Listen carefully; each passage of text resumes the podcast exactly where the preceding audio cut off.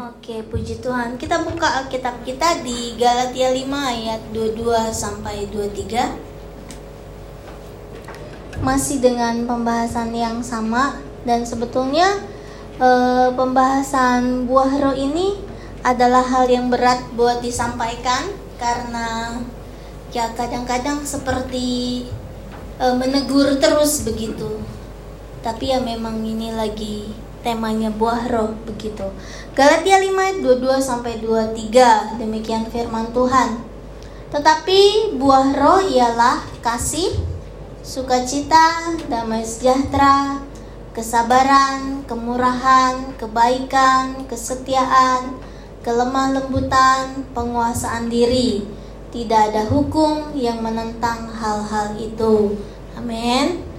Jadi, Buah roh dimulai dari penguasaan diri, kelemah lembutan, kesetiaan, kebaikan, kemurahan, kesabaran.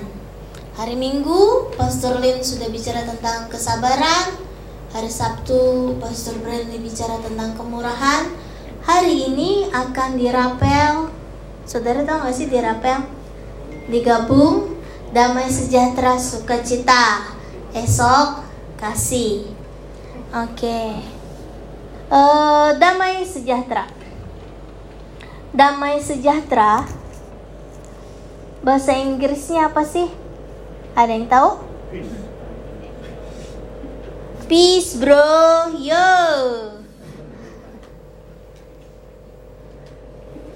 Lebih dalam kalau dari bahasa aslinya lebih ke quietness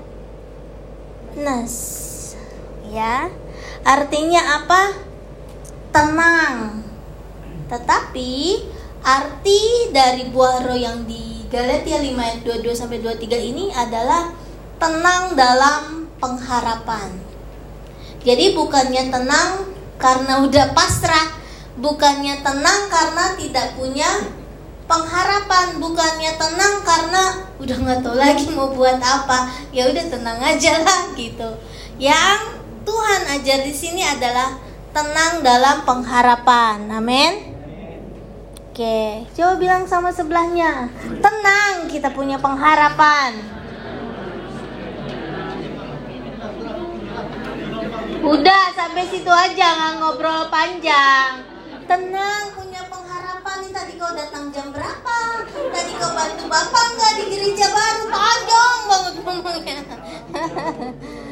Anyway, terima kasih buat jemaat Tuhan yang sudah bantuin uh, renovasi uh, gereja yang baru ya di 8 Houston Street. Puji Tuhan. Terima kasih juga udah bantu doa sehingga bisa boleh kita sewa di sana. Terus yang bantuin juga banyak uh, untuk renovasi dan uh, waktu dibilang kemarin ya hari Jumat. Uh, saya telepon bapak berapa yang berapa orang yang bantu? Saya mau kirim makan siang. Dia hitung satu dua tiga empat lima enam tujuh delapan banyak banget saudara sampai delapan apa berapa? Saya saya bilang ini saya beliin makan apa kalau banyak begini? Gitu kan. Gitu. Terus Bu Dede bilang begini cie-cie yang sayang sama Dedi banyak yang sayang sama mami nggak ada. Dede panggil saya mami itu sakit saudara di mana-mana. Ya sih kalau yang bapak yang sayang sama bapak banyak pasukannya. Apalah saya ini? Apa sih? Ngambek. Oke balik ke firman Tuhan. E, masuk ke damai sejahtera dan sukacita. Jadi tadi damai sejahtera adalah quietness. Jadi tenang dalam pengharapan. Nah, kita buka Alkitab kita berikutnya Matius 5 ayat 9. Kalau malas akan ada di depan, ya. Kalau tiap hari males juga baca Alkitab, boleh lihat Instagram saya, follow tiap hari post ayat. Jadi nggak usah baca, udah lihat di story gitu ya. Oke. Berbahagialah orang yang membawa damai karena mereka akan disebut anak-anak Allah. Amin. Damai sejahtera artinya tenang dalam pengharapan. Jadi kita ini harus tenang karena ada pengha pengharapan itu yang namanya damai sejahtera. Nah, Alkitab hari ini bilang berbahagialah orang yang membawa damai karena mereka akan disebut anak-anak Allah. Siapa di sini yang anak-anak Allah? Oke, nggak angkat tangan juga nggak apa-apa. Mungkin anak yang lain kan. Kalau saya ikutan angkat kan tadi siapa yang anak-anak Allah? Oh, saya angkat gitu. Gini, kalau kita anak-anak Allah, artinya tujuan kan adalah kita bilang begini, banyak yang dipanggil, sedikit yang di Nah, kalau kita sudah dipilih jadi anak-anak Allah, artinya tugas kita adalah membawa damai. Kenapa kita harus bawa damai? Karena kita anak Allah terus yang muter di situ. Puyeng deh kepala. Karena kita mau berbahagia, berbahagia. Berbahagialah orang yang membawa damai. Jadi kalau tidak bawa damai, tidak berbahagia, berbahagia. Nah, kalau kita membawa damai, maka kita berbahagia. Maka kita disebut anak-anak Allah. Kalau tiap hari kerjaannya kita ngajak berantem orang, ngajak ribut orang, ini namanya anak-anak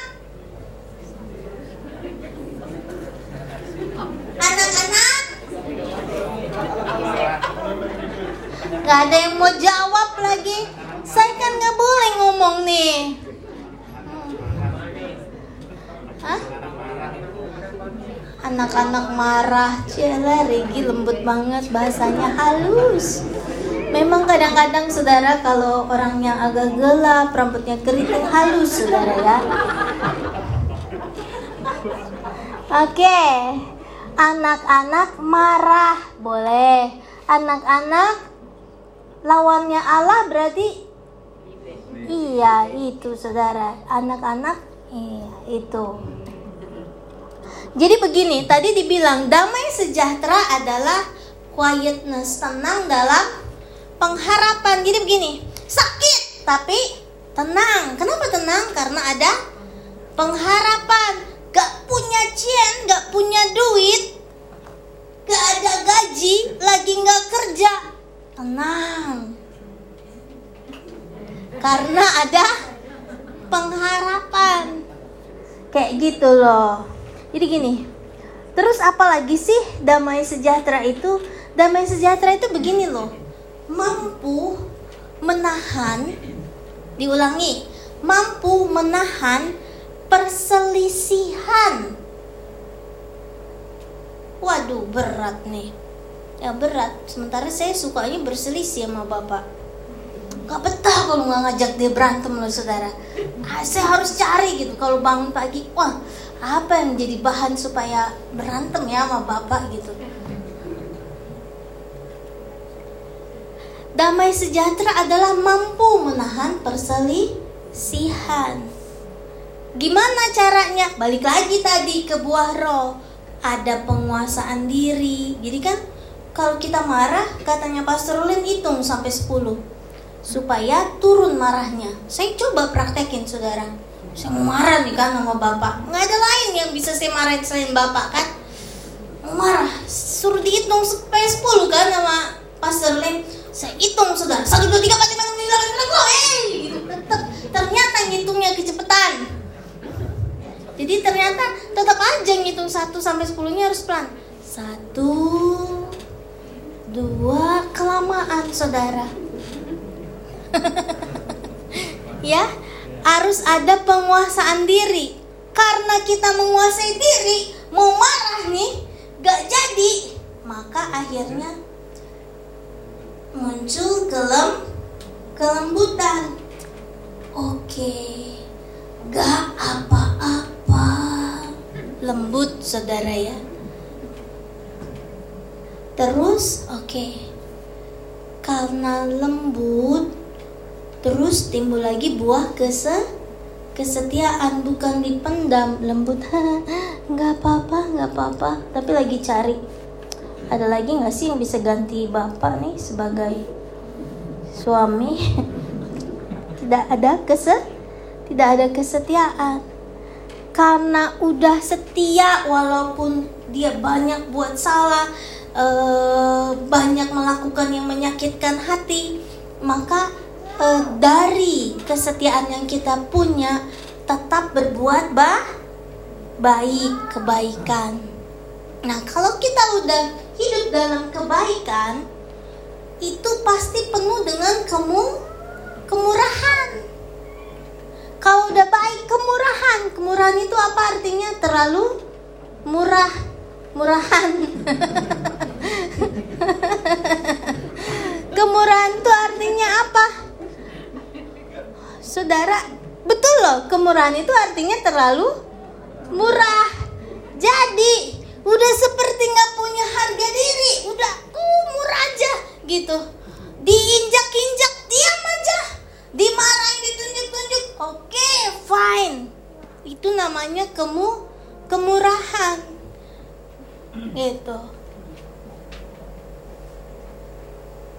Abis itu baru karena udah diinjek-injek dia murah hati terus udah maafin terus. Itu namanya masuk lagi ke level kesabaran. Kalau udah sabar maka walaupun ada orang marah mau ajak berantem mau orang mau ngajak kita ribut kita akan ada pada level oke okay, tenang slow cool santai kayak di pantai coy.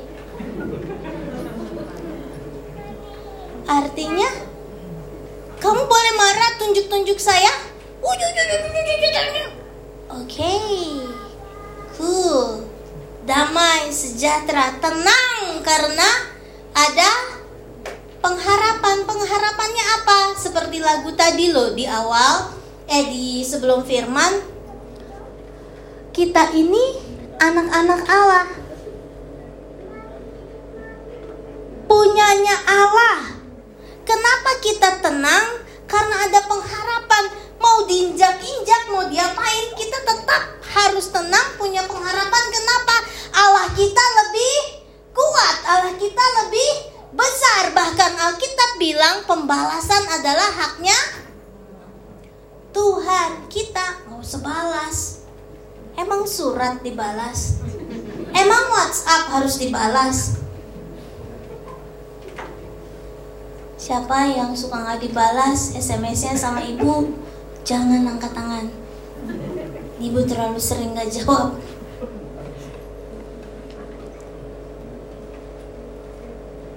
Karena kita tahu kita punya Allah yang lebih kuat, yang lebih berkuasa, yang akan memberi kemenangan yang di dalamnya ada pengha pengharapan.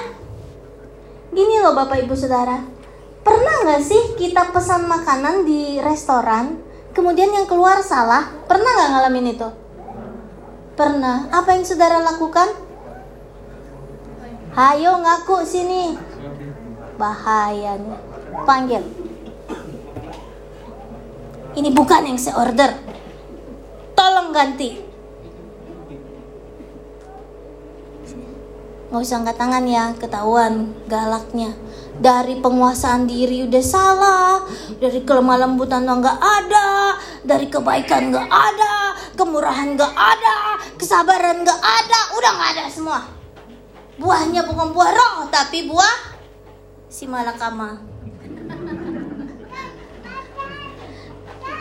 Kalau saya pesan salah, yang saya lakukan adalah it's okay nggak apa-apa, saya masih bisa makan kok ini saudara apalagi kalau pelayan restorannya tuh punya bos yang galak.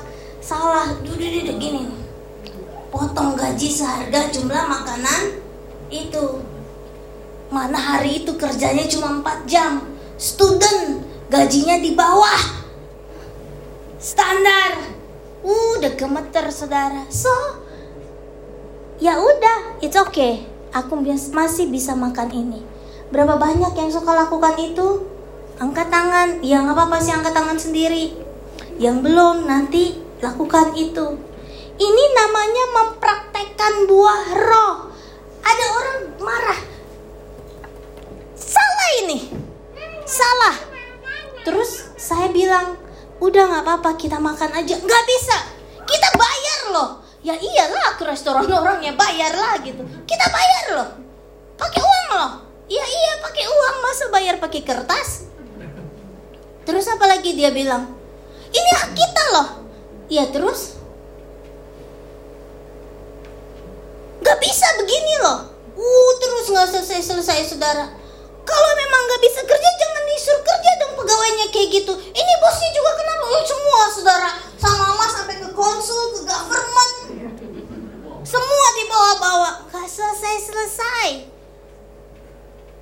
Kalau memang salah Gak mau dimakan bungkus take away selesai. Itu karena kita punya buah roh. Memberikan damai sejahtera buat pegawai yang salah itu. Memberikan damai sejahtera buat manajer yang hari itu lagi in charge.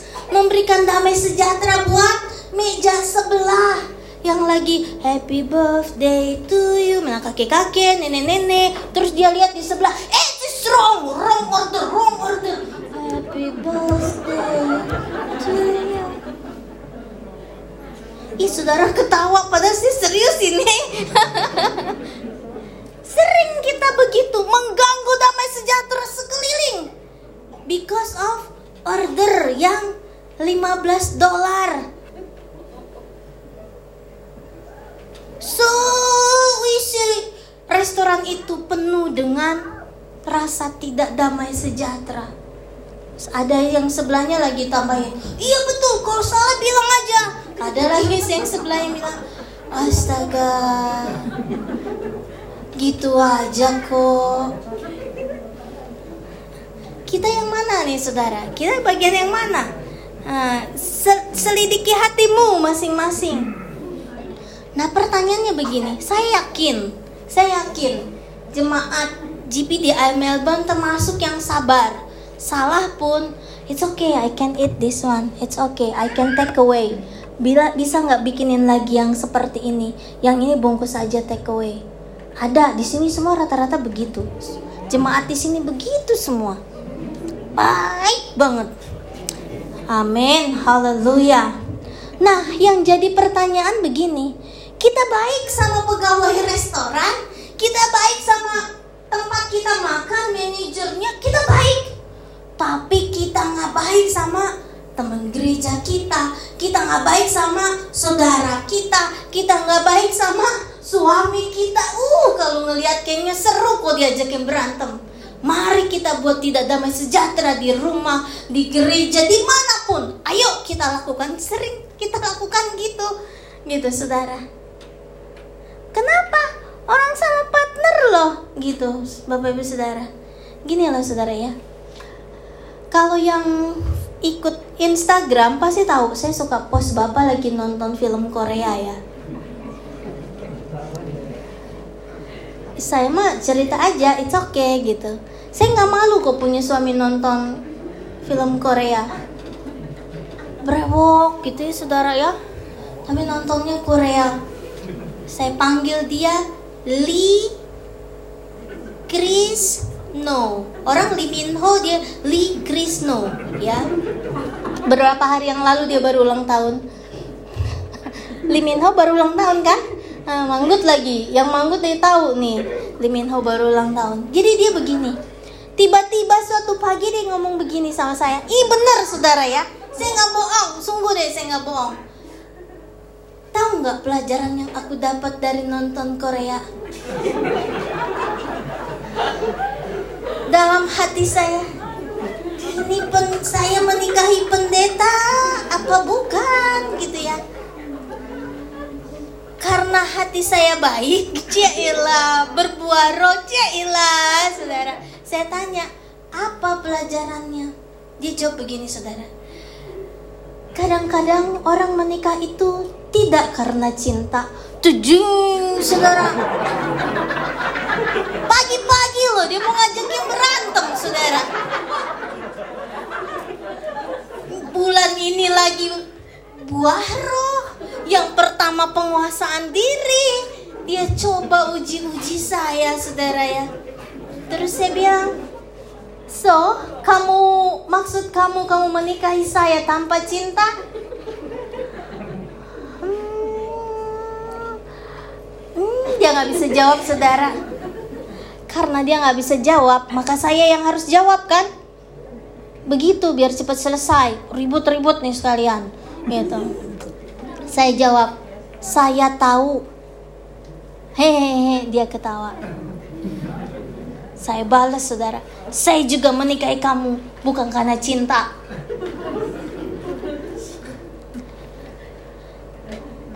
Terus uh, terbiasa memang ngobrol begitu, nggak nggak dimasukin ke hati terus. Saya mikir gitu ya, saya cuci piring, saya mikir siapa wanita yang dicintainya, apakah yang di Sydney itu yang pakai yang nomor mobilnya aja ditulis Kinoy, Kino dan Penyoyoy gitu ya. Sampai hari ini nomor mobilnya masih sama loh, saudara. Apa sih ini nggak penting? Terus, ya saudara, uh, jadi lupa kan?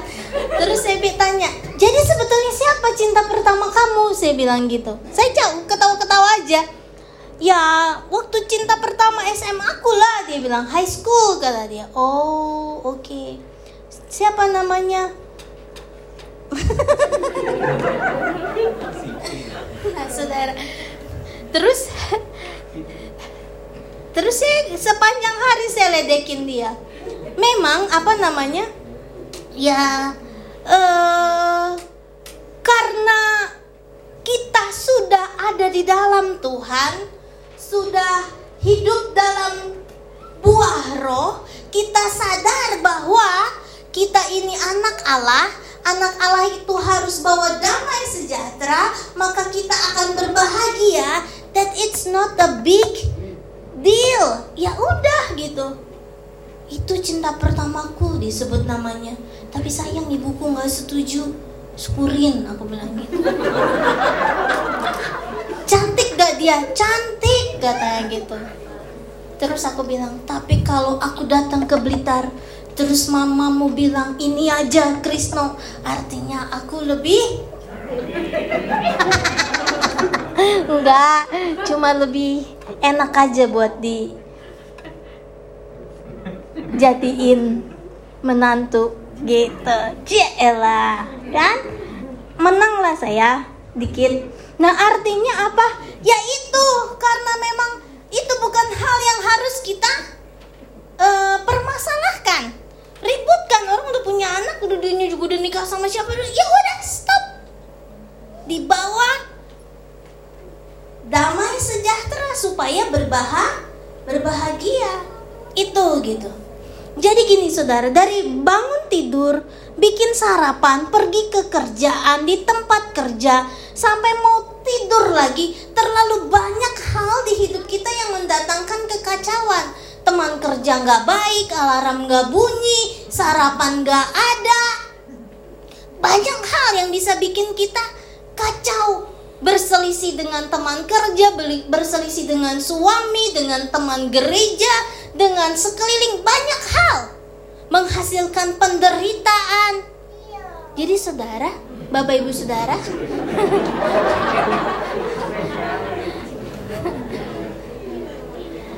yang harus kita lakukan adalah membuat damai sejahtera.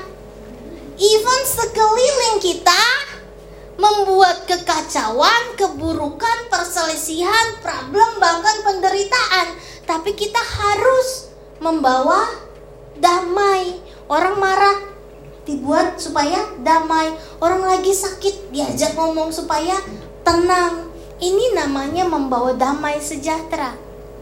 Damai sejahtera is a choice gitu. Why? Kenapa kita harus bikin damai sejahtera? Supaya ada suka sukacita. Buah yang berikutnya Roma 14 ayat 17.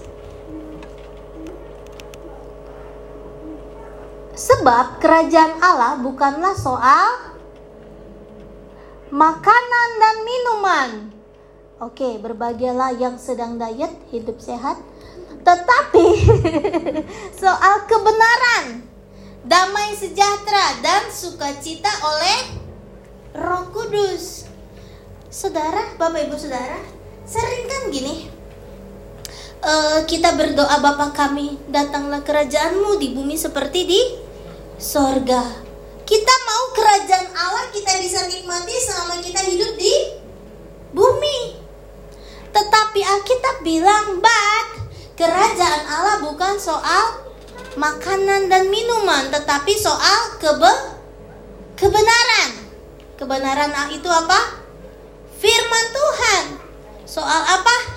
Damai sejahtera dan sukacita oleh Roh Kudus. Nah, sekarang saya tanya, sukacita bahasa Inggrisnya apa? Happy, joy. Joy itu nama penyanyi, saudara. Joy Tobing. Sukacita itu cheerfulness. Artinya apa? Sukacita yang menyertai perjalanan hidup. Jadi, sukacita adalah sesuatu yang harus dilakukan dalam perjalanan hidup kita. Bukan sukacita karena ada uang, bukan sukacita karena pekerjaan bagus, bukan sukacita karena semua orang baik, bukannya sukacita karena semua orang menyenangkan hati kita, tidak. Tapi sukacita adalah sebuah perjalanan yang memang harus diiringi dengan sukacita.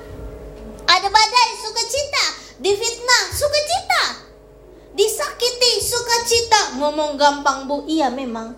Kalau itu gampang, ini tidak dibilang sebagai buah roh. Ini sebagai makanan sehari-hari, lapar makan. Tetapi disebut buah roh karena perlu effort untuk kita melakukannya. Karena ini disebut buah roh karena harus ada roh kudus di dalam diri kita sehingga ini keluar dengan sendirinya. Pada saat kita mau berduka, mau marah, mau kehilangan damai sejahtera, maka kita tahu, oh iya, Roh Kudus bilang, slow down Debbie, it's okay. Biarkan cinta pertamanya Bapak itu hidup di dalam hatinya, tetapi engkau hidup di sampingnya. Cek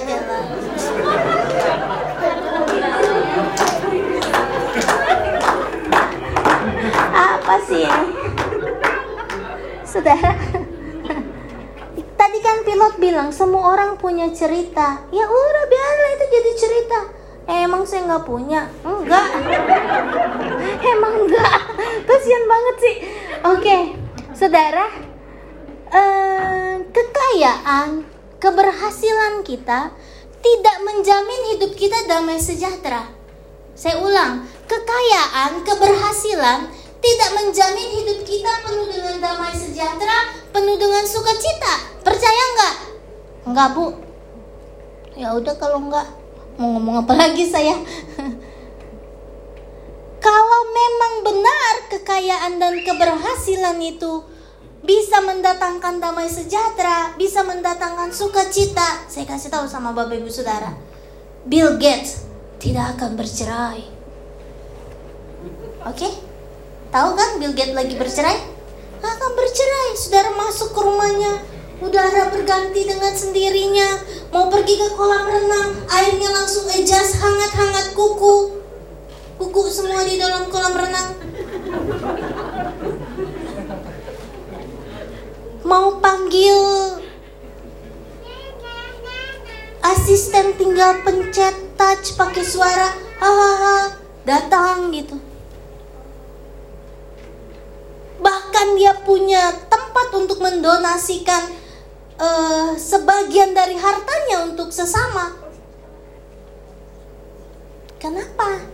Karena memang keberhasilan, kekayaan nggak bisa nggak menjamin hidup kita damai sejahtera dan penuh sukacita kalau enggak nggak akan ada artis-artis yang bunuh diri nggak akan ada saudara bilang ah saya kan nggak selevel itu kayaknya jadi ya ya saya lebih baik oh, bercerai bisa ganti-ganti wanita banyak-banyak bisa beli mana-mana no capek hidup gitu yang Alkitab ajar. Apa tadi di situ? Sukacita oleh Roh Kudus. Yang Alkitab ajar, sukacita dihasilkan oleh Roh Kudus. Kalau ada Roh Kudus, perjalanan hidup kita disertai suka sukacita. Walau dihina sukacita, walau cinta bertepuk sebelah tangan, tetap sukacita. Walau yang kita terima di muka bumi ini bukan yang kita inginkan, tetap suka sukacita. Saudara lihatlah wajah Bapak. Yang dia terima bukan yang dia inginkan. Tapi dia tetap sukacita. Kenapa? Ada Roh Kudus gitu. Ketawa-ketawa aja, jangan ditahan-tahan.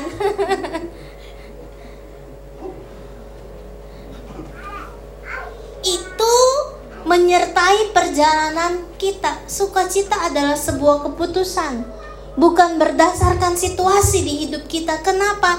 Karena tiap hari, saudara tahu kan, bapak ibu saudara, di sekeliling kita semuanya make a problem. Iya gak sih? Selalu tiap hari ada masalah baru, terus-terusan ada. Di tempat kerja, di sekolah, di gereja, di rumah tangga ada salah naruh anduk aja problem kok di rumah tangga.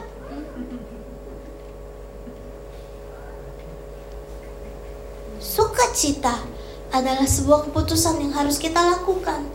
Kalau ada roh kudus roh kudus akan ingatkan oke okay, Debbie ada masalah tapi tenang. Sukacita aja. Lalu jalan. Dengan dagu terangkat dan bersukacita Nah, saudara, di sini dibilang kerajaan Allah bukan soal makanan dan minuman, tapi soal kebe kebenaran. Kebenaran itu apa? Firman Allah. Kebenaran itu bukan ya tadi saudara pesan makanan diantar salah, kita akan ngotot. Yang benar yang saya order dan you give me the wrong order. Kita bilang aku kok yang benar. Nah gitu saudara. Jadi belajarlah dari Rika.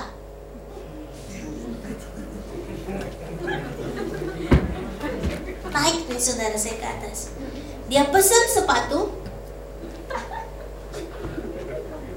Nike Nike saudara ya Datang nomornya lebih kecil Satu size lebih kecil, apa yang akan saudara lakukan kalau terjadi itu? Email dong, sama yang kita order, you give me a wrong number. Tapi kalau gitu kan jadi menimbulkan panas hati di kita, tidak suka cita. Aduh, tuh sepatu mahal, dibawa dikirim kecil. Oh, kita mau marah, kita mau komplain, kita mau kirim email, kita mau call supaya dia kirim balik. Yang dia lakukan apa? Kasih sama Bu Dewi.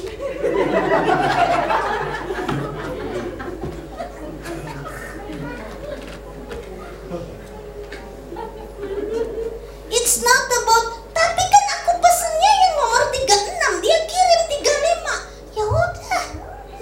Kalau kita mau kejar kebenaran kita, ini mah kebenaran dunia. Tetapi kebenaran Tuhan ajar, firman Tuhan ajar apa? Tidak boleh marah, menguasai diri, lembut, kemurahan, kasih, kasih aja mau Bu Dewi. Pakai kan? Pas. Semua pendeta kalau dikasih apa pun pas. Kalau bilang gak pas, marah yang ngasih kan? Enggak ini memang pas.